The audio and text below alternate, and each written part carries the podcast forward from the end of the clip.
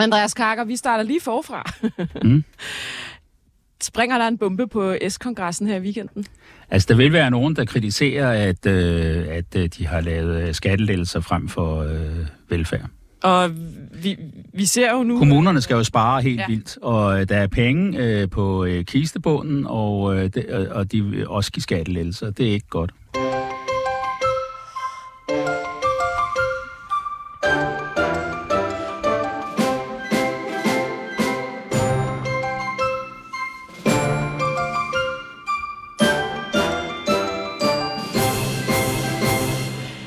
Jeg hedder Sanne Fanø, og med mig i dag har jeg Andreas Karker, mangeårig politisk redaktør på BT, i dag klummeskribent på POV International. Og øhm, jeg skal simpelthen undskylde, jeg er ved siden af mig selv i dag. Jeg var ude i går og få nogle drinks med Tsunami-drengene, hvis I kender det her program på, på 24-7. Det er sådan et satireprogram. Og jeg er helt ved siden af mig selv. Jeg føler mig totalt øh, lost, og jeg kom til at klikke på et forkert studie simpelthen. Andreas. Jamen, det kan jo ske kan ske. Og vi har en special gæst der i dag. Ja, Kan det, du ikke det er imponerende, at det, jeg, jeg, jeg mødte dig jo for altså, et år siden, hvor du var ja. helt forvirret inde i et studie, og så startede der ligesom en, en style oplæring. Og nu kommer jeg tilbage et år efter, og du har stadig ikke, sådan, du har stadig ikke nailet den sådan, Hun ved stadigvæk, hvordan studierne fungerer. Jeg ved heller ikke, hvordan man printer. eller, altså. eller hvor du er, eller nej, du beder mig også om at printe. Jeg er med som din gæst i dag, og det første, jeg får at vide, det er, kan du lige printe for mig? altså, jeg ved ikke. Ja, det er fordi, jeg er en diva. Nej, det er jeg faktisk ikke. Jeg synes faktisk ikke, jeg er en diva. Jeg, jeg er bare mere forvirret. Ja. Og det er ekstra forvirret i dag, fordi jeg var ude og få øh, kava med de der tsunami-drenge i går. Silas, man behøver jo næsten ikke at introducere dig, hvis vi har faste lyttere af det her program, hvilket vi jo har. Så er du den mest stabile kraft, vi overhovedet har haft. Der har været skiftende værter, skiftende navne, skiftende jingler, skiftende mig her og der. Men ja. Ja. du har været en klippe hele vejen igennem. Udover de sidste øh, tre måneder, eller noget af den stil. Ja. Men nu er jeg tilbage igen. I Du har fald, været øh, i producer på Mette og de Blå Mænd, ja. Ja. og Mette og Magten. Ja. Så øh, ja, du var praktikant, og nu øh, er du færdig med din praktik, og nu er du simpelthen gæst i dag. Ja. Simpelthen. Jeg øh, bevæger mig opad nu. Og Anna er jo gået på seniorpension igen i Grækenland denne gang. Nej, i, i hvert fald den her uge. Ja. Øhm, nå, vi skal snakke om noget politik. Fordi, Andreas, der er jo S-kongres Ja. i weekenden. Og øh, hele ugen, der har der været, eh, ikke hele ugen, faktisk de sidste 3-4 uger er det efterhånden, har der været først regionsrådsformændene, så var det borgmestre, nu er der også i, i børsen øhm, anonyme folketingsmedlemmer, der er vrede. Hvad, hvad, hvad er kernen egentlig i den her kritik fra øh, Socialdemokratiets eget bagland? Altså, kernen i børsens øh, kritik er jo, at hun øh, ligesom øh, ikke kommer til de der vigtige øh, møder og gruppemøder og sådan noget. Og, Mette Frederiksen. Mette Frederiksen, ja. Og ja, altså hun har jo faktisk travlt, ikke? Hun laver noget hele tiden, så jeg synes måske, det er lidt urimeligt at komme med den kritik, men sådan er det. Altså, øhm, vi kan lige høre, at du skal jo snakke ind i mikrofonen, Andreas, du sidder og snakker. Hun har også været formand i otte år, og det Ja. skal man huske. Vi skal lige høre øh, ugens skraldemand, fordi øh, det var jo et, nu, nu har vi jo dig med, Silas. Mm. Hvordan fandt de på det her ugens skraldemand? Det var før min tid. Jeg tror faktisk også, det var før min tid. Jeg tror, det var øh, Cremon Ja. ja. i, i sin tid, mm. der, øh, der havde opfundet den, øh, som hun gav. Ja. Jeg tror, det, det hed noget andet dengang. Vil du ikke lige forklare, hvad er ugens skraldemand? Hvad betyder det begreb?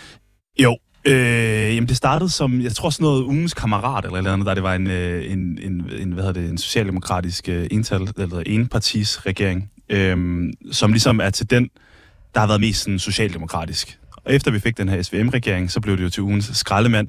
Den, som ligesom har taget skraldet for, at regeringen ligesom skal blive ved med at, at, at holde den her, øh, den her uge. Godt. Ugens med den her uge, det er altså Peter Hummelgaard, som jo er justitsminister. Men han er lidt ude og, og ikke så meget tale om øh, ja, Christiania eller bandepakker, eller hvad, hvad skal vi kalde det den her uge. Og det, jeg har altså lånt et klip fra vores konkurrent, det er P1 Morgen, hvor han er ude og forsvare sig over for den her kritik fra baglandet, og det handler især om det her med, at de både vil give skattelettelser og, siger de samtidig, forbedre velfærden. Lad os høre, hvad, hvad han siger til den her kritik. det er jo rigtigt, at der er nogle kommuner, der lige nu oplever i budgetterne for 2024 at skulle spare på forskellige områder. Det skyldes jo blandt andet, at inflationen også har gravet sig ind i, øh, i kommuneøkonomiens øh, budgetter.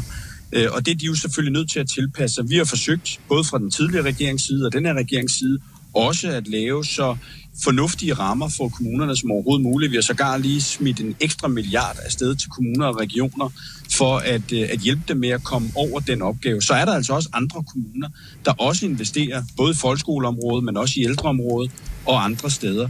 Og noget andet, der også er vigtigt at få sagt, det er, at der er altså ikke nogen skattelettelser, som bliver delt ud i 2024. Altså, så der er ikke nogen sammenhæng mellem, at der er nogle kommuner, der oplever at skulle spare i næste års budgetter, og så det, at regeringen er gået til valg på, herunder mit parti, Socialdemokratiet, at vi gerne vil sænke skatten for helt Og det bliver et langt klip, det der. i årene. Vi, det, var, det har vi ikke hørt nok på ham nu. Jo. Jo. Nå, Andreas, altså...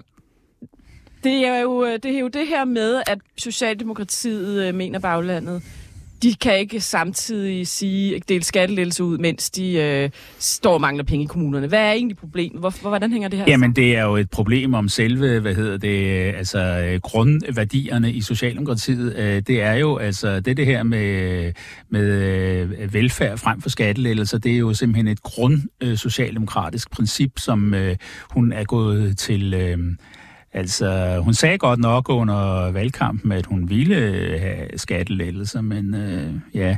Altså, det er jo også sådan, at øh, vi har... Gjorde de jo, det skal vi lige huske. De sagde i valgkampen, ja. at de ville give skattelettelser i bunden. Ja. Nu letter de jo så i øvrigt også topskat markant. Det glemmer vi lidt i al den her top, Mhm. top, top, top, top skat Men det er sådan lidt en, en Ja. klassiker, han prøver at fyre af, der Hummelgaard, ikke med, at øh, der er nogen, der skal spare ud i kommunerne, og vi giver topskattelser, men det er ikke øh, samme tid, og derfor så er det ikke noget med hinanden at gøre. Altså det er lidt ligesom dengang med Stor Bededag og, øh, Det er noget og, værre og militæret? Altså vi prøver at få det til at lyde som om, at det ikke er et stort budget. Altså det er det jo, hvis du skal spare ja. et sted, altså du skal spare på sted. så mangler de jo et andet sted. Altså de kunne være brugt på kommunerne i stedet for, ikke? Men kunne man ikke bare afskaffe noget byråkrati? Det siger de jo altid. Så øh, sparer vi de penge, og så kan vi stadig øh, ældre få, få så- to bedre om ugen. For nogle år siden var der en øh, person, der sagde til mig, at, øh, at øh, da Torkel Simonsen var borgmester i Aarhus, der havde han en rådgiver, og der, øh, på det tidspunkt havde de så, øh, hvad hedder det, 50 eller sådan noget, ikke? Og nu tror jeg, at vi er oppe på 150, ikke? Altså, det er jo helt vildt så meget, de der øh, mennesker er steget. Øh, og jeg synes ikke, at øh, den politiske debat øh, virker som om, den er blevet meget bedre af det. Altså, du mener, man har bare ansat og ansat og ansat folk? Jamen, jeg ved ikke, hvad de laver alle sammen, det må jeg sige. Ja, Eva, jeg elsker, at du er blevet helt bitter på dine gamle dage, Ja. Andreas. Eller også har du altid været det, egentlig. Ja, det er nok det. Nej, men altså, øhm, det jeg egentlig godt kunne tænke mig at spørge dig om i dag, Andreas, det er faktisk fedt, du er med. Du har jo sindssygt øh, mange års erfaring med at dække det politiske. Det er jo, kan det her true Mette Frederiksen? Altså, det kan jo selvfølgelig være, at hun ryger til NATO om et år, det ved vi ikke. Det, det tvivler jeg nu på. Hun siger selv nej. Ja. Øhm, det her har altså stået på en måned nu. Vi så det ikke under den tidligere S-regering. Kan det her godt blive et decideret øh, oprør, og vil vi høre nogle af de her stemmer på kongressen i weekenden, tror du? Jeg tror, vi vil høre nogle af de stemmer på kongressen. Altså, det vil virke virkelig mærkeligt, hvis uh, alle de der borgmestre har udtalt sig til medierne i flere uger, og så ikke siger noget på kongressen. Det synes jeg. Men uh, samtidig så mener jeg altså ikke, at hendes uh, position på nogen måde er truet. Hun er meget, meget, meget stærk formand. Det kritikken jo øh, blandt andet går på, det er jo blandt andet den her artikel i børsen. Det er, at de føler sig som statister. Altså, de bliver ikke inddraget i noget. Øhm, altså, nu, nu taler jeg om folketingsmedlemmerne. Ja. Altså, de, de føler sig fuldstændig sat uden for indflydelse. Og så synes de jo ikke, at den her regering egentlig fører socialdemokratisk politik. Nej, men der synes jeg nok, at øh, de tager lidt øh, fejl, faktisk. Altså, det er jo ligesom, øh, det er jo Mette Frederiksen, der har vundet på alle de der øh, diskussioner, man kan have om, øh, hvem der bestemmer, ikke? Øh, altså, det er jo Venstre, der ikke... Øh, ja, det er så dem, der vil have skattelettelser, men det er jo ligesom det eneste sted, man kan sige, at de virkelig har fået noget igennem her på det seneste. Men kan man sige, at øh, Socialdemokratiets mantra om velfærd frem for skattelettelser har sejret sig selv så meget ihjel, at partiet ikke med troværdighed kan lige pludselig kan sige, nå, nu kan vi godt give begge dele på en gang. Altså, de har jo sagt at Ja, det synes jeg. modsatte i mange, mange, mange år. Ja, men sejret sig ihjel, det er et godt, øh, godt øh, ord for det. Det er det. Hvad tænker du, Silas? Altså, Jamen, ja, altså, der er sådan noget forvirring i det hele, ikke? Også når man lige har taget stor bededag, og nu argumenterer for, at man godt både kan have velfærd og skattelettelser, men vi skal alligevel af med en fridag og sådan ting. Altså, det bliver sådan mere og mere kludret at forklare over for befolkningen, Plus, ikke? at uh, Ekstrabladet havde lige en forside den anden dag om, at de får selv fem ekstra fridage. Altså, helt ærligt. Det er jo uh, Hvem lidt gør langt det? ud. Det gør politikerne.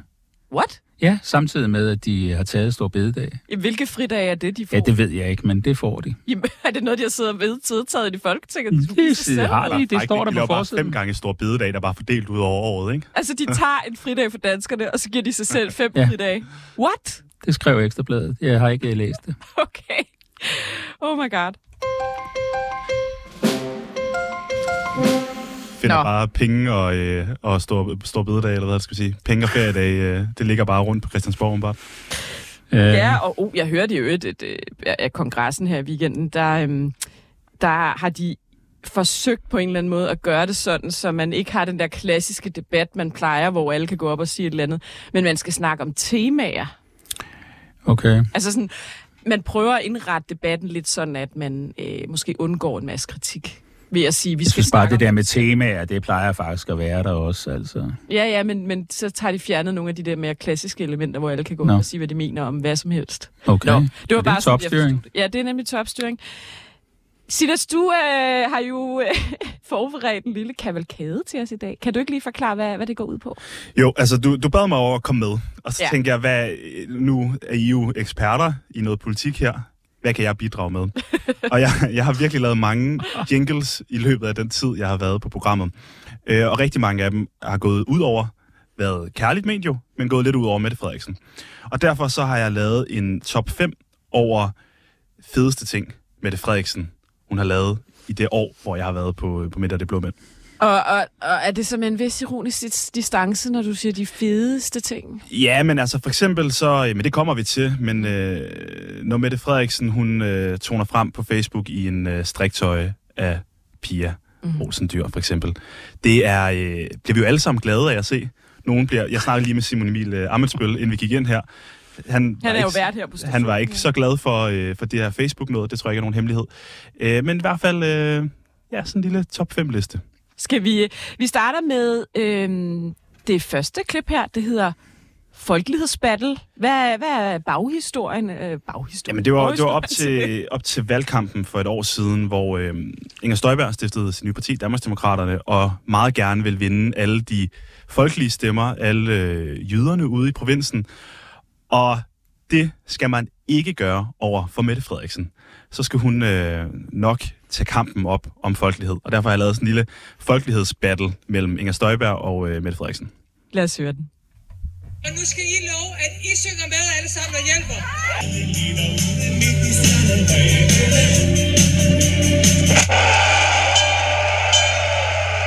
Det, er- det bliver et parti, som, øh, som for folk, som vi er flest. At øh, jeg synes, at EU fylder for meget. Øh, at øh, nu er der lige en hund, der sukker op, at det er altså ikke min, det er naboens dalmatiner. Så ejer. Nå, øh, jeg håber snart, der kommer nogle ejere. Er Mette OF overhovedet med, Silas? Nå. så meget ved jeg da. Comeback. Jamen, det kan være, det er det, den ved. Øh, men øh, i hvert fald så, så tiltrækker jeg en del hunde lige i øjeblikket, kan jeg se. Men øh, nu kommer den ikke. Jeg kan fortælle dig, at min hund har en Instagram. Så kan du så sige, hvor, hvor ligegyldigt det egentlig Den skal jeg følge.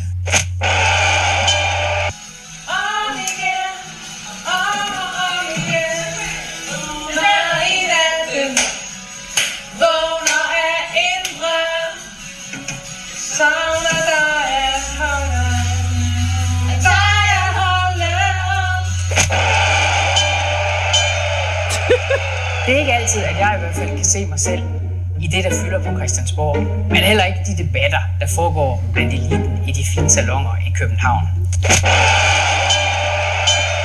Øh, ja, altså, hvem synes du vinder, Andreas, i den her folkelighedsbattle mellem Inger Støjberg og Mette Ja, Frederiksen? det gør Inger Støjberg, ja. Ja, det gør hun jo. Hvad synes du, Silas? Ja, men det var, det var jo bare en tid, hvor Mette Frederiksen hun skulle synge helt vildt lige pludselig, og øh, gik fra at være grøn til rød til rød til grøn, eller øh, hvordan det nu var, øh, og skulle lige pludselig ud på alle krammermarkeder i hele Jylland øh, og sådan ting, så det, der kom bare mange sjove klip ud af det. Er det ikke som om, hun er blevet lidt mindre folkelig på det seneste, helt klart. og tager mere til og NATO-møder? NATO, og, ja. og ja, ja, hun er jo en, en, altså lige nu er der jo en gang med en battle mellem Lars Lykke og hende, i hvem der kan være mest sådan... Mr. Statsmand. Mr. Worldwide, MK. ja, Ja. lige præcis, ikke? Og Lykke, han tager den lidt ned med hans t-shirts. Øh, men, men ellers så er det som om, de er i gang med en, en ny form for kamp, ikke? Jo, nu har vi jo ikke ugens somi-opslag med den her uge, men øh, jeg synes, jeg så, at han kom ud med en eller anden nyt... Øh, ja. Hvad, Det er så fedt. hvad er det? Ja, kan det du ikke, rigtigt. øh, jeg kan ikke huske, hvad det var. Det er sådan en organisk trøje, der kan blive nedbrudt, og så øh, mindre CO2 og sådan nogle ting. Den er bare- miljørigtig. Ja, så sidder han bare i en interna- den er, den er virkelig grim. Så sidder han bare i en international lufthavn og tager billeder med den der. Jeg håber virkelig ikke, han er rejst, men jeg synes faktisk, der er noget pinligt i sådan... Uden, ah, okay, men det, det må han selvfølgelig selv om. Jamen, det synes jeg også. Ja, ikke? Ja. Der kan vi blive enige om den. Andreas, du går jo altid, du er jo altid ekstremt velklædt. Synes du ikke, at det, det er underligt, at han går- render rundt og ligner en øh, jul? Jo, jo, og det der sidste med Afrika, det, det var helt vanvittigt. Ja. Altså, da jeg, jeg tog et, øh, faktisk et billede af det og lagde det på Facebook, og det plejer jeg aldrig at gøre, men jeg synes, det var så crazy. Ikke? Mm. Og så var der en af mine øh, følgere, der skrev, er du sikker på, at det ikke er Photoshop? Så skal han har selv lagt op. Gud i himlen, sagde de så. Det var helt vildt. Ej, jeg kan slet ikke. Jeg, jeg kan slet ikke. Åha. Nu har vi øh, så det næste klip, Silas, og det øh, hedder Jinglefrygt. Hvad er historien bag det klip? Jamen, det, det er faktisk lidt fra samme periode her, lige i en valgkampen, hvor øh, Mette Frederiksen både står på et, øh, et krammermarked øh, og, og synger sammen med øh, Candice øh, Johnny.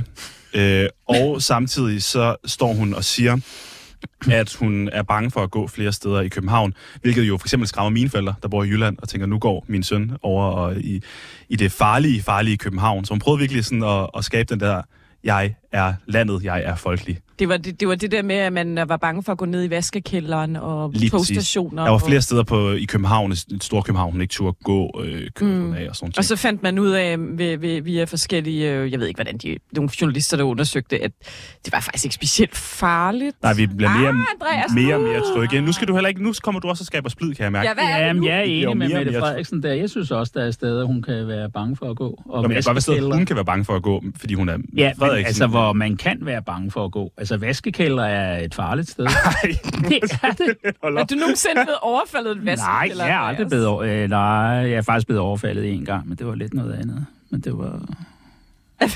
Jamen, det var... Det må du lige uddybe. Jamen altså, det er en lidt lang historie. Altså, jeg, var, jeg sad i øh, metroen på vej hjem fra arbejde. Jeg boede ude på Amager, og så øh, er der nogle, øh, nogle øh, ja, cigøjnere, tror jeg, de er, som øh, laver sådan ligesom ballade i, øh, i metroen, og jeg nedstiger dem og sådan noget, ikke? og så kommer en af dem over og snakker til mig, og jeg siger et eller andet, og jeg ved ikke, og så står jeg af derude på Amager og går ned af en mørk gade, og så bliver jeg lige pludselig overfaldet bagfra, og øh, han tager kvælertag på mig, og jeg kan ikke få luft, og Okay.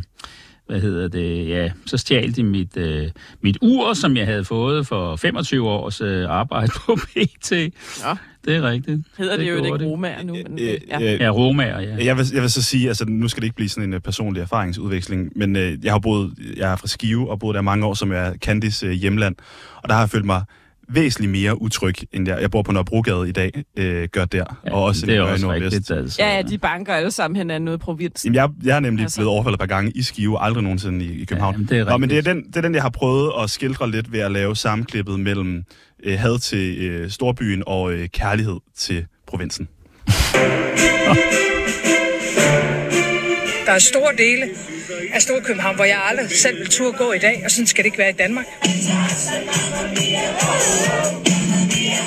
Der er utrygge, som er utrygge på vegne af andre mennesker. Jeg er det også selv. Og Andreas Karker er det. Jeg er faktisk ikke utryg, men øh, Men Andreas, altså... Nu vil jeg jo ikke sige, hvor du ligger politisk, men at du, jeg synes, du bliver mere og mere Mette Frederiksen glad på dine ældre dage. ja, men det er også øh, rigtigt. Det er Og rigtigt, det, det, er det, har, blevet. det var du altså ikke i gamle dage. Nej, jeg har faktisk aldrig stemt på Socialdemokratiet, men øh, Men hvad, hvad, hvad, nu hvad, er- overvejer jeg det faktisk. hvad, er det, hvad er det, der er sket med dig?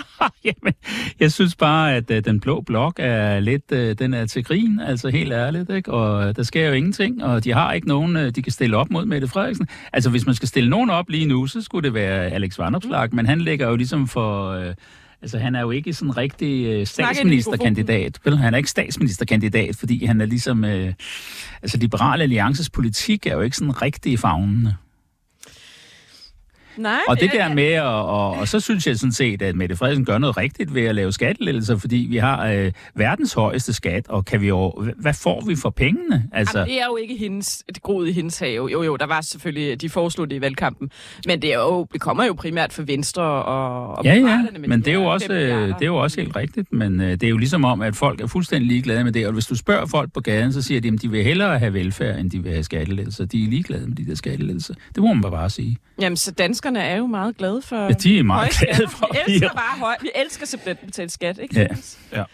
Nå, men det er også, altså, sige, hvis man lige øh, bare to sekunder stifter bekendtskab med sundhedsvæsenet, som det er nu, så tænker jeg da også, at man i hvert fald ikke tænker, at de skal have færre penge, eller øh, at der, der skal være mere travlt. Til Nej, nu har de, nu har de lige, hvad hedder det, fjernet, øh, de har lige fjernet psykologhjælpen til øh, forældre med kræftsyge børn. Det synes jeg er lidt hårdt på Rigshospitalet. Det kan umuligt være et populært valg at tage. Altså. Nej, men nu øh, jeg, er jeg er ked af at sige det.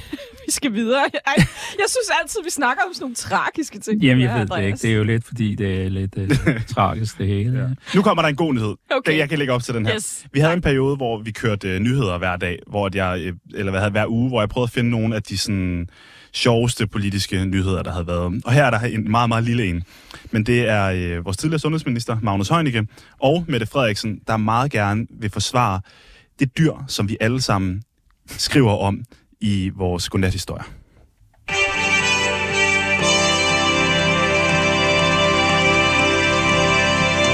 Velkommen til nyhederne hos Mette og de Blå Mænd. Mit navn er Silas Mutti. Socialdemokratiet elsker harer. Selvom det lyder svært at forklare, er det faktisk ret enkelt. Lærken og haren er i massiv tilbagegang, og det bliver mit ansvar at vende udviklingen og få naturen i balance igen. Sådan sagde Miljøminister Magnus Heunicke før jul til sjællandske medier. Markus, jeg kan ikke skrue mere op. Den helt op. Hun elsker haren. Der bliver færre og færre af de dyr, som vi synger for vores børn, når vi synger godnatsangen. Haren er nu en troet dyreart i Danmark, fastslog S-formanden til afslutningsdebat i år 2018. Men ja, Socialdemokratiet kan ånde lettet op, for haren, den er slet ikke troet. Haren er faktisk et af de dyr i Danmark, der klarer sig virkelig godt. Så Socialdemokratiet kan vist roligt indstille deres kamp for guldrødsknaskerne fra børnesangene. Den har det godt. Ja, undskyld, jeg snakkede ind om det, fordi Markus blev ved med at sige, at jeg skulle skrue op. Den var skruet helt op. så øh, Silas, øh, jeg ved simpelthen, jeg, jeg, Andreas, jeg, jeg har ikke noget at sige til det. Det er en af mine yndlingsklip, det må jeg bare sige. Altså, øh, hvad er det her? Altså, hvad, hvad går det ud Jamen, på? det er jo en det kæmpe brøler. Altså, man skal jo ligesom, før man begynder at snakke om udrydstruede dyr, så skal man jo ligesom tjekke, at de er udryddet, at de er truede, ikke? Og det er har ikke... Det er åbenbart ikke. Nej, det Jeg ved det heller ikke. Det var øh, Magnus Jeg ved ikke, hvad øh, sa- sagen er for harerne. Det var Magnus Heunickes første som øh, miljø. Han er miljøminister, ikke? Jo. Jo. Øh, hans første ligesom, udtalelse, da han blev udnævnt miljøminister. Nu skulle han sat med at forsvare den hare der. Jeg føler, at det er et meget fjollet program i dag. Jeg håber, Altså selve ideen om at tage de der børnesange ind, det er jo ret godt, ikke? Men øh, man skal jo bare ligesom være sikker på, at det er rigtigt. jeg håber virkelig, I lytter, I øh, øh, kan klare, at vi har en lidt fjollet udsendelse, der ikke er så sådan super politiknørdet. Øh, jeg, jeg hygger mig meget godt. Jeg håber, I også hygger jer derude. Øh, har nyheder? Ja, så har vi jo faktisk en, et, et, et indslag her, øh, mens jeg har været på programmet, øh, Ja. som handler om... Øh, vi, vi har jo, Silas, du har jo brilleret i hver uge, og det, det har vi jo desværre mistet, da du stoppede at læse et typisk fra Mette Frederiksen, øh, Facebook-opslag op fra hende. Du er meget glad for, for Facebook-opslag. Ja, jeg, jeg synes, du var så... Det, lød, det lyder utroligt sjovt, når du spiller Mette Frederiksen. Det, Ja. det kan jeg godt lide. Og jeg har taget et, øh, et Facebook-opslag med, hvor hun ønsker alle danskerne øh, god påske. Og takker dem, der arbejder i påsken, hvilket også er, er helt legendarisk. Det er Mette Frederiksen her. Tilbehør til årets påskelam. Rigtig god påske, og stor tak til alle, der arbejder i de her dage og sørger for, at vores dejlige land, det fungerer. Rose.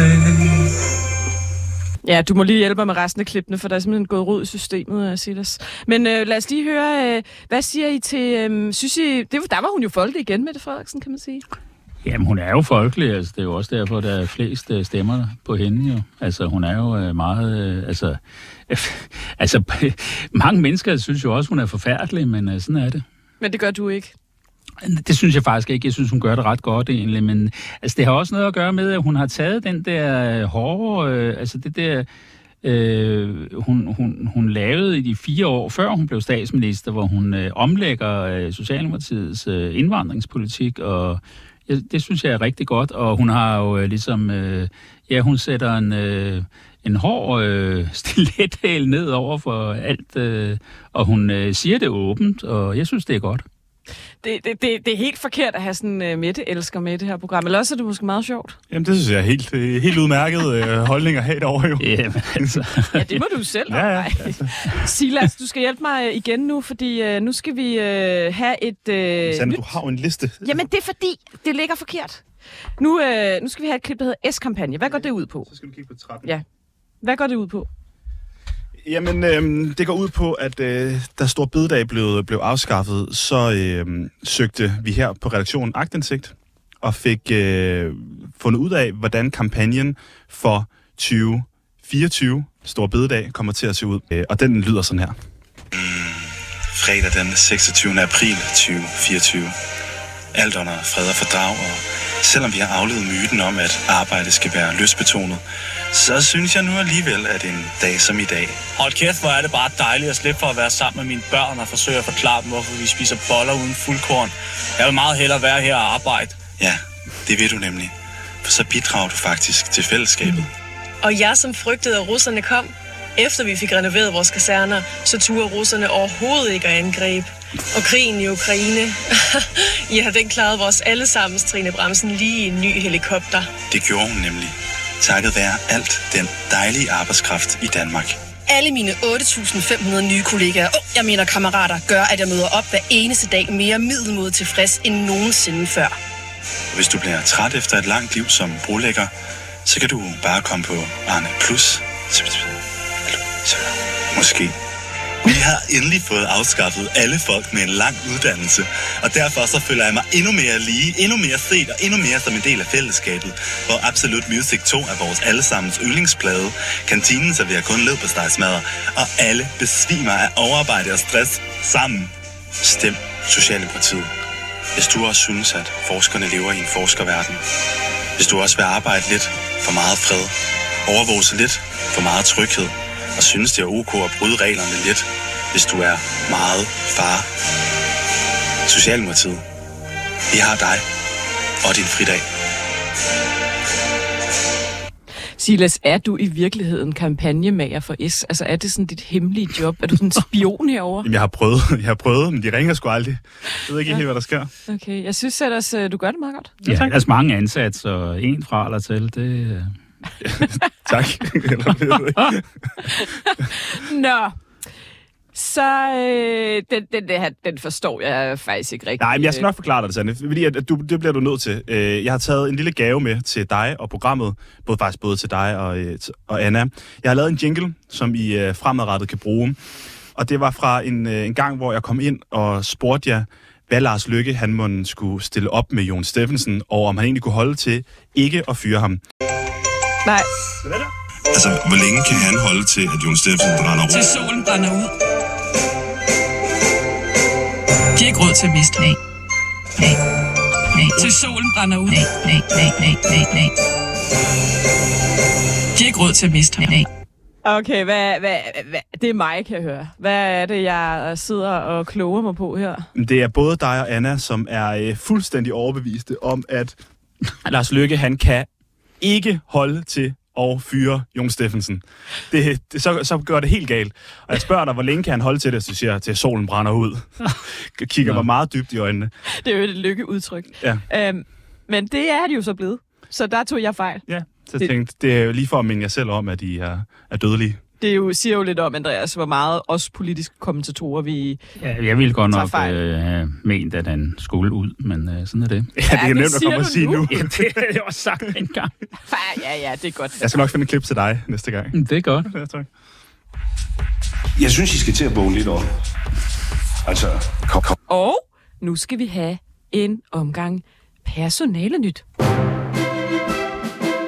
Medlemmerne synes, at jeg skal være den, der skal overtage stafetten fra Pernille. Jeg tror tilbage. Det er, for at være ærlig, lidt øh, mærkeligt. Og, og så kom den her mulighed i Bryggeriforeningen, og det vil jeg bare enormt gerne. Personale nyt. Og jeg vil i øvrigt gerne undskylde over for lytterne, at jeg kejler rundt i dag, men jeg er simpelthen ikke øh, ved mit fulde fem. Og det kan jo, så man kan have en off-day, man kan have en øvedag imellem, og det har jeg simpelthen i dag. Øh, det beklager jeg. Øhm, vi har en masse personale nyt den her uge, simpelthen. Øhm, jeg ved ikke, hvor jeg skal starte, Andreas, øh, med Scavenius, Teresa Scavenius, for der er simpelthen sket så meget i løbet af ugen, at, at jeg simpelthen har mistet overblikket. Altså, først så meldte gruppen ud, at de sådan smed hende ud af gruppen, lad os sige det på den måde. De fratog hende øh, alle ordførerskaber, og de ville også have, at hun skulle have et kontor langt væk fra den grønne gang. Ja, de prøvede at tvinge hende til at gå selv. Og øh, så, der meldte hun sig så ikke ud af partiet endnu, men hun ligesom... Øh, bare, Der er også nogen, der mener, at øh, de gerne vil beholde øh, de penge, de får øh, for hende. Mm. Nå, men nu har hun så faktisk meldt sig ud, og så har hun også været en tur i God Aften Live, hvor hun har sagt, jeg er svær at arbejde sammen med, men det er nogle politiske uenigheder. Så Franciska Franziska Rosenkilde, deres formand, jo så været ude at sige, det handler ikke om politik, det handler om samarbejde. Det gør ikke så meget, at vi er uenige om nogle ting. Det er fordi, hun er besværlig at samarbejde med. Så hun så igen været ude at sige, at det er et karaktermor, og hendes assistent har også været ude at sige, at hun i hvert fald ikke kan genkende det her billede. Øhm, det er som om, det, det er lidt ligesom med Pernille Weiss sagen, det er som om, den bare bliver ved med at rulle. Ja, men altså, jeg har også, øh, jeg tror faktisk, jeg har talt med Therese Scavenius på et tidspunkt, og jeg var altså også lidt, øh, hun er faktisk øh, vanskelig at have med at gøre, det vil jeg sådan set give Franziska Rosenkilde ret i. Men noget andet er, at jeg faktisk synes, at politisk, øh, Altså, hvis alle ligesom øh, prøver at komme ind og snakke med regeringen om alt muligt, så øh, op, op, ophører vi jo med at have en opposition. Altså, det, det er jo faktisk lidt det, der, der er ved at ske. Altså, mm. øh, og, og på Blå Blok, der vil... Øh, øh, Inger Støjberg også gerne ind og have indflydelse og sådan noget. Og det er jo ligesom om, øh, det er ligesom om Mette Frederiksen på en eller anden snedig måde har sat sig på hele beduljen. Men er det ikke også som om, der er noget, man ikke helt ved? Altså, fordi jeg forstår ikke helt timingen i, at det er nu. Blandt andet så hørte jeg bare, der blev henvist til den der sag, der rullede med, med skralde øh, sorterings øh, halløj, som, som Therese Scavenius kørte meget i. Øh, men det er jo mange måneder siden at den sag rullede. Hvad? Jeg synes ikke, at, at journalisterne helt har opklaret, hvad det der diskussion øh, handlede om. Nej, det er det. Altså, det, det er rigtigt. Der, men, men altså, ja. det er, mit indtryk er bare, at hun er, øh, altså, hun vil gerne have en hård linje over for øh, Mette Frederiksen, hvor man angriber på alle de punkter, man kan angribe på, og øh, det er resten af gruppen uenige i. De vil gerne være mere sådan øh, nogen, man kan forhandle med og sådan noget. Det er jo en, en grundlæggende, hvad skal man sige, øh, partistrategisk øh, overvejelse, ikke? Øh, jo, altså, det, det de har, de har været uenige om mange ting. Altså, det første, de var uenige om, det var under valgkampen, der, øhm, der vil man jo først have en advokatvurdering i Mink-sagen, så går Franziska Rosenkilde ud efter ja. valget og siger, det vil hun ikke alligevel, og så øh, er det åbenbart Therese Scavenius, der har presset på, for de igen skulle ændre holdning til det. Så ja. har hun jo også været imod øh, indgrebet over for koranafbrændinger, øhm, og så selvfølgelig en masse på klimapolitikken, men der ja. siger Francis, det skal jeg bare lige også sige, fordi det er blevet meget udlagt som om, at det er nogle politiske uenigheder, der har været. Og Franziska Rosenkilde siger jo så, at det, det handler om samarbejdsvanskeligheder. Ja, men det er ikke helt rigtigt. Det er jo om politik, faktisk. Ja. Det handler ja. jo om strategier for, hvordan man øh, forholder sig i forhold til regeringen. Og der, mm. ja, der synes jeg faktisk, at Therese Scavenius har ret, altså. Mm. Men øh, de andre tager fejl, men altså, sådan altså, er det jo. du sidder her for at forsvare Mette Frederiksen og Therese Scavenius. Hvad er der sket? Ja, jeg ved det ikke. Det er lidt vanvittigt. Nå. øh, ja, jeg ved ikke. Altså, hvad tænker du om det hele, Silas? Det, jeg, jeg, det synes ikke, jeg, jeg så, nok, øh... vi har mange personsager i de her år, hvor, hvor, hvor der er folk, der øh, er lidt solorytteragtige og ender som løsgængere. Ikke? Altså, det, det, det, det ser vi bare mere og mere. Altså. Ja, jeg, jeg, jeg sådan blevet mest mærke i sådan, uh, Therese Scavenius sådan, uh, approach til at gøre det. Altså, jeg, jeg så øh, aftenshowet eller et eller andet. Øh, og der var hun øh, inde og fortælle om hele den her sag, og sådan lagde sig lidt fladt ned, eller sådan var sådan, åh, eller var meget ærlig jeg er omkring... Besværlig at samarbejde, jeg er besværlig at samarbejde ja. med. De kan ikke så godt lide mig. Altså et eller andet den stil, ikke? Og jeg tænkte, et eller andet sted meget frisk i forhold til, hvad vi ellers har set, at folk ligesom går lidt i skjul, ikke? Mm. Jo, det er rigtigt. Der øh, sker rigtig meget i alterna- Alternativet, og øh, så har øh, Jynke, tidligere øh, HA, HA-rocker, yeah. startet et nyt øh, parti, der hedder Stabil Demokrati, og jeg har talt i telefon med ham. Han kommer jo et forbi og er midt af de blå men næste uge for at tale om det. Jeg snakkede lidt med ham inden programmet, og han Jamen, hans hoved, han, det hedder Stabilt Demokrati, øhm, og jeg spurgte ham for blandt andet, synes du ikke, vi har nok øh, partier? Altså sådan, Ja. der blev stiftet nærmest et Især på parti blå hver flok- uge. blå- blå sidste år, flok. øh, ja, sidste uge var det Henriette Erkemann, tidligere Borgerlige, der sad og skiftede. Ja. hvad er det nu? Det hedder også et eller andet øh, borgerligt øh, demokrati. Det hedder et eller andet, jeg kan ikke huske det. Nå, øh, og hans hoveddagsorden er simpelthen Ukraine, at han synes ikke, vi skal sende penge til dem, fordi så ophisser vi bare til mere krig med Rusland. Det er hans sådan helt store mærkesag. Ja, det er helt gak Synes du? Ja, altså, det må jeg igen sige. Mette Frederiksen har fuldstændig ret. Altså, hvis ikke... Altså, vi, Ukraine kæmper for os alle sammen, og hvis de skal vinde den krig, ellers så taber hele, hele verden faktisk, eller hele den vestlige verden. Men Han mener, det er en proxykrig, ikke? Altså, hvor Rusland og Vesten i virkeligheden kæmper mod hinanden, og at vi selv har provokeret det frem via udvidet NATO osv. osv., osv. Altså, han køber jo meget Putins han, han, propaganda, han, ikke? han kender jo noget til provokation, forestiller jeg mig, og, og småkrig og sådan ting. Så ja. Ja, siden han slagtede ja. makrallen. Ja, han har jo selv været i krig øh, meget af sit liv mod øh, banditter, ikke? og det kan være, at han er et frisk pust i forhold til, hvordan får man egentlig etableret en fred, fordi det gjorde de jo. Eller hvad? Altså, jeg synes ikke, han er noget frisk pus. Jeg synes, det er til fjollet. Nå, men han kommer Altså, det er jo ligesom om, der er bredt sig sådan en Støjberg-doktrin, ikke? Med, at nu kan alle starte et parti, fordi øh, de tror, de er lige så populære som øh, Støjberg. Det er de ikke. Du tror ikke, Jynke kommer i Folketinget? Det tror jeg bestemt ikke. Vil du æde din jeg gamle tror- hat på det? Det er lidt farligt at sige, fordi øh, det kom Kvartrup jo til. Men, Ja. øh, Og han spiser en hat. han spiste en hat lavet af et eller andet mærkeligt øh, materiale. Øhm, så skal vi snakke lidt om de radikale, fordi Ja, de har også haft øh, gruppen, eller hvad hedder det, landsmøde. det har de nemlig, og der skulle de vælge EP-kandidater. Der er jo EP-valg om et år. Ja. Så stiller Rasmus Helve jo op. Han sidder jo faktisk i Europaparlamentet lige nu for radikale. Og han øh, har jo været udtalt inden det her årsmøde, at han ville ikke øh, stille op, hvis ikke han blev spidskandidat. Han ville kun stille op, hvis han blev spidskandidat. Og så vælger de altså øh, tidligere øh, ungdomsformand fra Radikal Ungdom, Sigrid Friis Frederiksen, øh, foran Ja. Helve. Og i øvrigt, Helve-æraen er jo så slut, Ja. Andreas. Ja, ja, Hvad har du at sige om det? Altså, det er jo Ja, men en stor altså, æra. Ja, men altså, man må bare erkende, at øh, Rasmus er ikke helt så populær som øh, Morten, og øh, hvad hedder det, han, at det var altså en kæmpe fejl at sige det der, ikke? At det kan godt være, at han tænker det, men altså, det er jo dumt at sige det, ikke? Det er jo at provokere folk, ikke?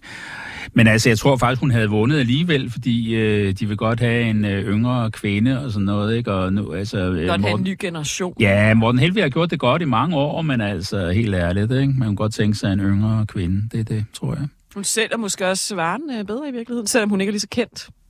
Jeg ved det ikke. Altså, Helvig tror på en måske stemmeseddel selv, må men da altså- trække nogle stemmer i sig selv. Ja, jeg tror kun, de får et mandat. Ja, de fik jo to yeah. sidste gang, og der havde de blandt andet Karen Melcher inde, som, yeah, og, and det the rest også- is history, apropos personager, som... øh, Jamen altså, Ja. og hvorfor er det hele tiden kvinder, der laver de der ting? Det må man så også undre sig lidt over. Ej, jeg har der er også lige Jon Steffensen. Åh oh, ja, okay. Andre typer. Det er rigtigt. Ja. Lars Bøje. Jeg synes også, vi har nogle mere mandlige kandidater. Jamen, Andreas. Ja, så der, Ja, det er det, rigtigt. Det, det står vist ret lige der. Ja, okay. Så sendte du jo noget til mig, som jeg også stussede øh, ret meget over. For, jamen, det er jo faktisk lidt det samme situation. Der har vi jo en gammel KFA, ja. nemlig i SF, Ville Søvndal. Ja. Og det er også EP-valget, som er blevet overhalet af Rasmus Nordqvist Ja. på listen. Ja, Rasmus Nordqvist, som skiftede parti for nylig og sådan noget, ikke? Det er jo også Jo, han er også, faktisk apropos, han har også tidligere været i. Ja, det er jo det. Oh my god. Det er godt. Øhm, men det er jo også lidt... Altså, de har selvfølgelig spidskandidaten Kira, Mar- Kira Marie Peter Hansen, som jo... Ja, øh, kom ind ved sidste EP-valg, og der var der jo også en ballade, fordi Carsten Hønge jo ville valgt, og så alligevel ikke ville derned. Nej, men, det er, det er altså, hvad sker der i det her program? Alt er bare kaos. Det er kaos. Øh, Andreas, hvad tænker du om, at Willy Søvndal Ja, bliver slået altså, Willy Søvndal, han bliver ved med at tro, at han øh, er et stærkt navn og et stærkt kort, og at han kan ligesom øh, vinde. Øh, og så, altså, han, blev, han har jo tabt og tabt og tabt. Ja, hvad skal altså, vi tage rækken? Øh, regionen? Ja, tror jeg. regionen og, og, hvad hedder det? Altså, Kolding Kommune. Og borgmesterposten, Ja. ja. ikke? Og, og nu også det her. Jeg, jeg tror ikke, at han bliver valgt ind. Men Han har jo været, han var jo enormt populær. Jamen, var det var han, jamen, det var han der øh, op til det valg, hvor øh, hvad hedder det, Helle thorning Schmidt vandt, ikke? Og det var jo derfor, det var det, der skabte alle de der problemer, fordi øh, Øh, det var Henrik Sass, der lavede en aftale med, øh, øh, hvad hedder det, med SF om, at, at de skulle i regering, og de radikale skulle ikke betyde noget. Og det havde han også sagt offentligt, Sass, at de, de radikale, de kan bare skrive under her. Og det synes de godt nok, at det altså med, hvad hedder hun, Margrethe Vestager i spidsen, og det ville de i hvert fald ikke øh, høre på. Og derfor, øh, og så da, da, øh, og da, på et tidspunkt, der, der var, der var øh, øh, SF større end, end Venstre, som var meget store dengang. Ikke? Øh, men så endte det med, at valget alligevel ikke gik så godt, og Radikale gik frem, og SF gik tilbage, og så, hvad hedder det, øh, så, var, så satte hun sig jo ned med, hvad hedder det, Margrethe Vestager, og sagde, sådan skal, sådan skal det være, og sådan skal det være, og hvad hedder det, og Søvndal, han ville så øh, være udenrigsminister, og så ville han alligevel ikke være formand og sådan noget, og så begyndte det at gå galt. Ja, det sorte tårn, det er det. Det sorte tårn var ikke And godt. the rest is history. Det er det. Øhm, men vildt nok, altså vi har to koryfærer, der er blevet overhalet af yngre kræfter. Ja, men det er nok et tegn på, at øh, hvad hedder det, unge kræfter vil øh, frem, og det skal de jo også i politik. Men han har sat sig, Ville Søvndal, vil jeg sige. Altså, der er, jeg ved ikke, hvor mange steder på Nørrebro, der er graffiti, hvor der står, The ice is melting on the poles. så, så Nå, han har på en okay. eller anden måde sat sit stempel alligevel, ikke? The ice is smelting Det- on the det er ikke noget særligt godt stempel. Ej, det burde vi også have en jingle med. Jeg elsker det der. Ja, Det sidste under det burde du have. Ja, det sidste under personalenyt, det er jo Værmund øh, faktisk været ude i det store interview og sige øh, to ret afgørende ting. Ja. Det ene er, at hun vil have Alex Vanopslagh som statsministerkandidat for Blå Blok. Og så har hun droppet sine tre ufravigelige krav. De er i hvert fald ikke ufravigelige længere. Andreas, du ved jo, du er jo faktisk lidt en Værmund-ekspert. Du skrev en bog om den. Hvad, Ja. Øh, hun, vil hun bare have noget opmærksomhed, tror du? Ja, men jeg ved ikke rigtigt. Jeg synes, øh, jeg tror faktisk, at det har noget meget at gøre med hendes eget sådan, øh, følelsesliv, fordi hun er simpelthen... Øh, altså, jeg tror, det er rigtigt, det der med, at hun er træt af at være den der sorte, hvad skal man sige, øh, negative, øh, ja. vrede person hele tiden, ikke? Fordi sådan er hun jo ikke. Altså, hun er jo, hun er jo meget øh, sådan... Øh, behagelig og omgås, og øh, altså jeg var, da jeg skrev øh, bogen, der var jeg oppe i hendes øh, hjem og interviewede hende øh, øh 10 gange to timer eller sådan noget, ikke? Og øh, det var altid meget hyggeligt, og altså hun er, øh, ja, hun er meget øh, hyggelig og, og, og, og nem at omgås og sådan noget, men det er jo ikke sådan, hun virker. Øh, altså hun har jo også fået en hård, øh, en hård behandling af medierne, synes jeg lidt, ikke? Men altså, det er jo måske fair nok. Hvordan det? ikke. Jamen, det, øh, hun blev jo bare hele tiden udstillet som, ja, ikke her på det seneste, men altså, hun blev udstillet meget som det yderste højre, ikke? Ja, altså, jeg tænkte, der, på et eller andet tidspunkt skal de blive fundet ud af alle de partier derude, fordi at udlændingedagsordenen jo bare ikke er Mm. Lige så stor, som den har været. Det så, har du ret i. Så skal der ske et eller andet med de der partier, ikke? Og man kan sige, at Danmarksdemokraterne, jo, de har ikke meget politik, men de har ligesom deres øh, gå udkants Danmark øh, energi. Det er deres dagsorden. Det er jo faktisk ikke engang udlænding. Og der er det sådan nye borgerlige, ikke? Altså på deres økonomiske, jo jo, men der er Liberal Alliance også. På deres konservative, der er konservative, der på en eller anden måde øh, måske også. Øh, så hvad, hvad kan de egentlig ud over udlændinge? Det tror jeg vel også er lidt et spørgsmål. Andreas, synes, jeg jeg synes, du ikke godt, Silas skulle blive politisk kommentator? Jo, det, han er meget god. Det er virkelig det er god rigtigt. analyse, ja, han er det der. god. Tak. Du har Øh, fuldstændig Det er også en ny generation. Jamen, altså, Andreas, så lad mig spørge, fordi som opfølgning på det, Silas siger, fordi han har fuldstændig ret. Tabte Blå Blok ikke den dag, at Mette Frederiksen overtog deres udlændingepolitik? Jo, det er jo det. Altså, Hvad så? det er, det, det er også det, jeg har været inde på før. Det er meget, meget vigtigt, at de har gjort det, og det øh, ændrer hele øh, det politiske billede. Fordi det. danskerne vil jo ikke have skattelettelser. De vil ikke have en blå økonomisk politik. Det blå blok, Og de vil have en hård udlændingepolitik. det, det blå blok øh, havde, som rød blok ikke havde, det var en hård udlændingepolitik. Det er neutraliseret nu. Ser vi ind også i bare- et socialdemokratisk tusindårsrige? Nej, men jeg tænker bare, jeg mener også bare, at det, der fylder i medierne nu, og blandt folk var, altså hvis, hvis det før var meget det der med dårlige historier om indvandrere og sådan ting, så har vi jo haft et, et udlændingestop, eller et flygtningestop i Næsten i ved ikke, fald. næsten halv flygtningestop, i virkelig, virkelig lang tid efterhånden, ikke? og meget lukkede grænser og sådan nogle ting. Og det, der fylder, det er jo dem, der bliver udvist uretfærdigt nu. Mm. Så jeg synes også, at narrativet er ved at skifte en lille smule, altså øh, udover at Mette Frederiksen til selvfølgelig har overtaget noget af for- politikken. Til fordel for Snak ind i mikrofonen, Andreas. Til fordel for indvandrerne. Øh, Jeg ved ikke, om det er til fordel for indvandrerne, til ikke fordel for den yderste højrefløj i hvert fald. Altså nu er det jo faktisk øh, de blå partier i regeringen, der er slap, mere slappe end øh, SR. Altså i hver, især Lykke, ikke? Han, er jo, han, vil jo nærmest, øh, han vil jo Præcis. nærmest ikke have en bund for, hvor meget udenlandsk arbejdskraft vi kan... Han vil have afrikanere Ja. hertil. Det er jo helt vildt. Altså, så man kan sige, han er jo nærmest øh, blevet radikal. I øvrigt så er det faktisk sådan, at øh, nu siger jeg lige igen noget personligt, ikke? men altså her for øh, et par år siden, da min øh, mor døde, der var jeg lidt over at besøge hende på sådan et, øh, et plejehjem, hun var blevet øh, mod sin vilje var blevet anbragt på. Hun havde stadigvæk sit hus, ikke? men øh, der kunne hun ikke øh, være, mente det. Og så øh, var hun øh, blevet øh, øh anbragt på det, det her pleje, som var et øh, privat plejehjem i Aarhus, ikke? hvor man skal betale for at opholde sig. Men øh, altså, der var halvdelen af, af dem, de var, øh, øh de var sorte. Altså halvdelen af personalet var...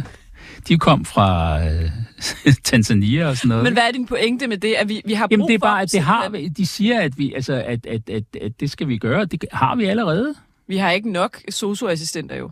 Så vi skal jo Ja, jamen, have det hjælp. skal vi. Jamen, de var Øh, også vældig søde, at der var ikke noget der. Men øh, de talte ikke særlig godt dansk og sådan noget, men altså, det er jo fint nok. Det kan man vel lære. Ja, ja. Bare lige hurtigt, så har Pernille Skipper skrevet en ny bog, øhm, og der har hun sagt, ja. at en minister har sagt noget lummer til hende øhm, ved et møde, og hun vil ikke sige, hvem det er. Det er et eller andet med, at du ser godt ud i den skjorte, eller sådan noget. Og så skulle hun, havde hun svært ved at føle sig taget øh, alvorligt ved det møde. Hun, der, der har så været spekulationer om, at det må have været en justitsminister, fordi mødet var i Justitsministeriet. Så øh, der, og det, hvem kunne det være? Så har der været blandt andet Søren Pind var ude at sige, det var i hvert fald ikke mig, og så videre. Hva, altså, hvad skal... Ja, Morten ja. Bødskov har også sagt det, ikke? Ja, og, og hun så- har selv sagt, at det er ikke justitsministeren, det er Ja. en anden minister. Ja, men det er jo igen øh, med de her MeToo-historier. Det er så svært, ikke? Der bliver det sådan en uh, pege en fingerleg af, hvem er det og sådan noget, i stedet for at vi faktisk forholder os måske lidt til substansen. Ikke? Og det, er der er jo lidt et problem i, at vi er bare et så lille land i Danmark, ikke? Altså, og, og magten er centreret på så få mennesker, ikke? Fordi ja. det, det er sådan, altså, hvis man ikke ønsker, hvis man netop ønsker, at det skal handle om princippet og ikke personen, øh, det er bare lidt svært, fordi så mange personer er der ikke, det kan handle om. Og så bliver det sådan lidt en pege fingerleg. Ja. Men det var egentlig ikke det, jeg, Jeg synes, det er Ja. forkert af hende at skrive det der, uden at ville sige, hvem det er. Jeg synes, det er... Men altså, det synes jeg også øh, oprindeligt med hende. Det, øh. Jamen, det, jeg tænker bare, at der kan godt være et, altså en idé i, at vi gerne vil frem, og så det ikke bare handler om, øh, ej, var den her ene person dum, men hvor er der et, noget principielt i, at man som politiker kan blive befamlet af en minister. Mm. Altså, tage den snak, Eller i stedet for at snakke om, at kommentar, en eller anden er dum, Ja. ja. ikke? Få en lummer kommentar, Ja. ja. ja. Øh, ja. Og det, øh, det skal jo stoppe. Men prøv at høre, nu skal vi faktisk lige nå en rigtig vigtig historie, Andreas, som vi faktisk også talte lidt om inden programmet, som vi næsten ikke, som vi ikke har så meget tid til. Men det er altså faktisk, nu startede vi jo programmet med at tale om kritik fra, fra S-baglandet, men der, jeg skal lige love for, at der også er kritik i Venstre-baglandet. Fordi Thor Petersen, tidligere, jamen hans CV er langt, ikke? Men altså, det var ham, der kunne købe hele verden, da han var finansminister. Ja. Han det er så et langer, fejlcitat, siger man, men altså, ja.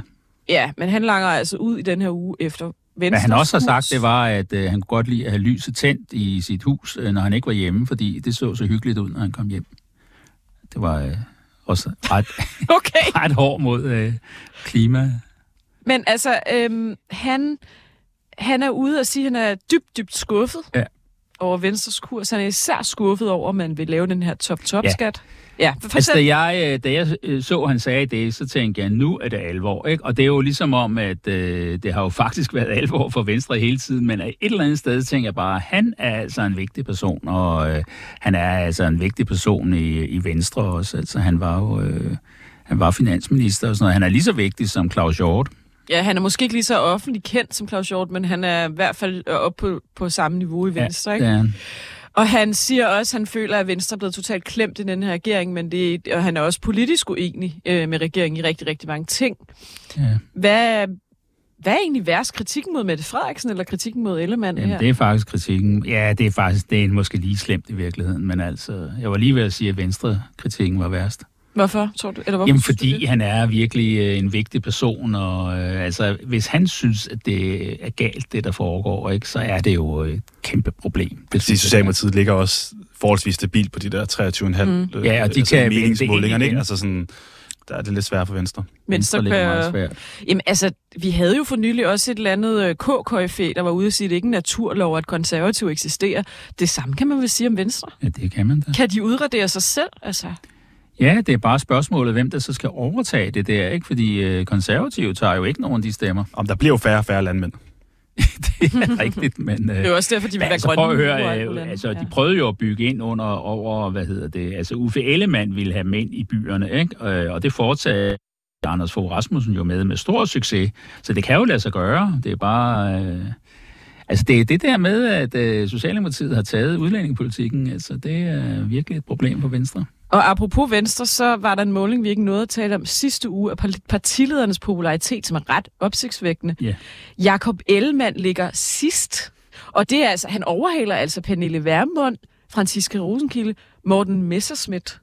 Øhm, Han får lige så mange, der er lige så mange, der vil have ham som statsminister, som vil have Pelle Dragsted. Det synes jeg er ret interessant. og Pelle Dragsted ligger faktisk nummer tre. Ja, kan du huske, vi talte om for et par uger siden, Andreas, at du ikke troede, han kunne redde venstrefløjen. Men han er altså den tredje mest po- populære par partileder i Folketinget. Men altså...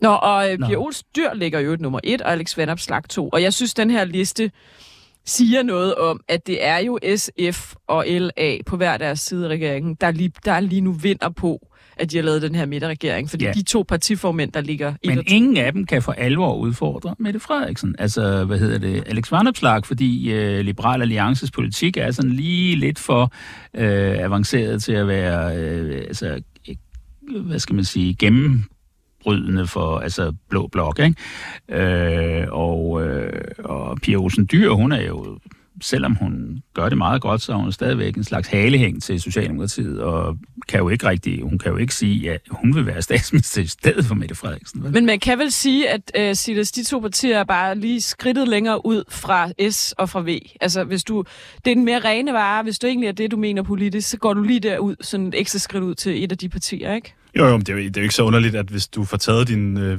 øh, fridag, og øh, du ser dårlig velfærd og sparer og bla bla bla, så rykker man så ud til dem, der ikke gør det, det, det, det. som stadig ligger sig op af en politisk. Altså, Og den der øh, store bededag, den tror jeg stadigvæk øh, påvirker øh, billedet af de der målinger. ja, især hvis de så selv tager fem fridage, ikke? Jamen, hvad er det med de der fem fridage? Jamen, jeg det ved det ikke, men det tager det jo. Jeg løber med rygter nu. Altså, man kan måske også argumentere for, at fridag på papiret for politikere ikke er reelt fridag, for de Altså, laver høre, Mette muligt andet også hele tiden. at spurgte for nylig Mette. Frederiksen, og så sagde hun, jeg holder aldrig ferie, jeg arbejder hver eneste dag, og det er også rigtigt, hun knokler øh, morgen til... Jeg tror aldrig, Og vi skal også aflive myten om, at det skal være løsbetonet at arbejde. Ja, det har hun selv sagt. Vi skal til at slutte. Prøv det skal jo faktisk heller ikke være løsbetonet. Det er jo det ikke løsbetonet hver eneste dag at gå på arbejde. Nej, det er det ikke. Især ikke i dag, fordi jeg er helt ved siden af mig selv. Tak fordi I lyttede med. Andreas Karker, Silas Mutti og Sanne Fanø takker af her fra Mette og de blå mænd. God Jeg synes, det har været weekend. løsbetonet. Så.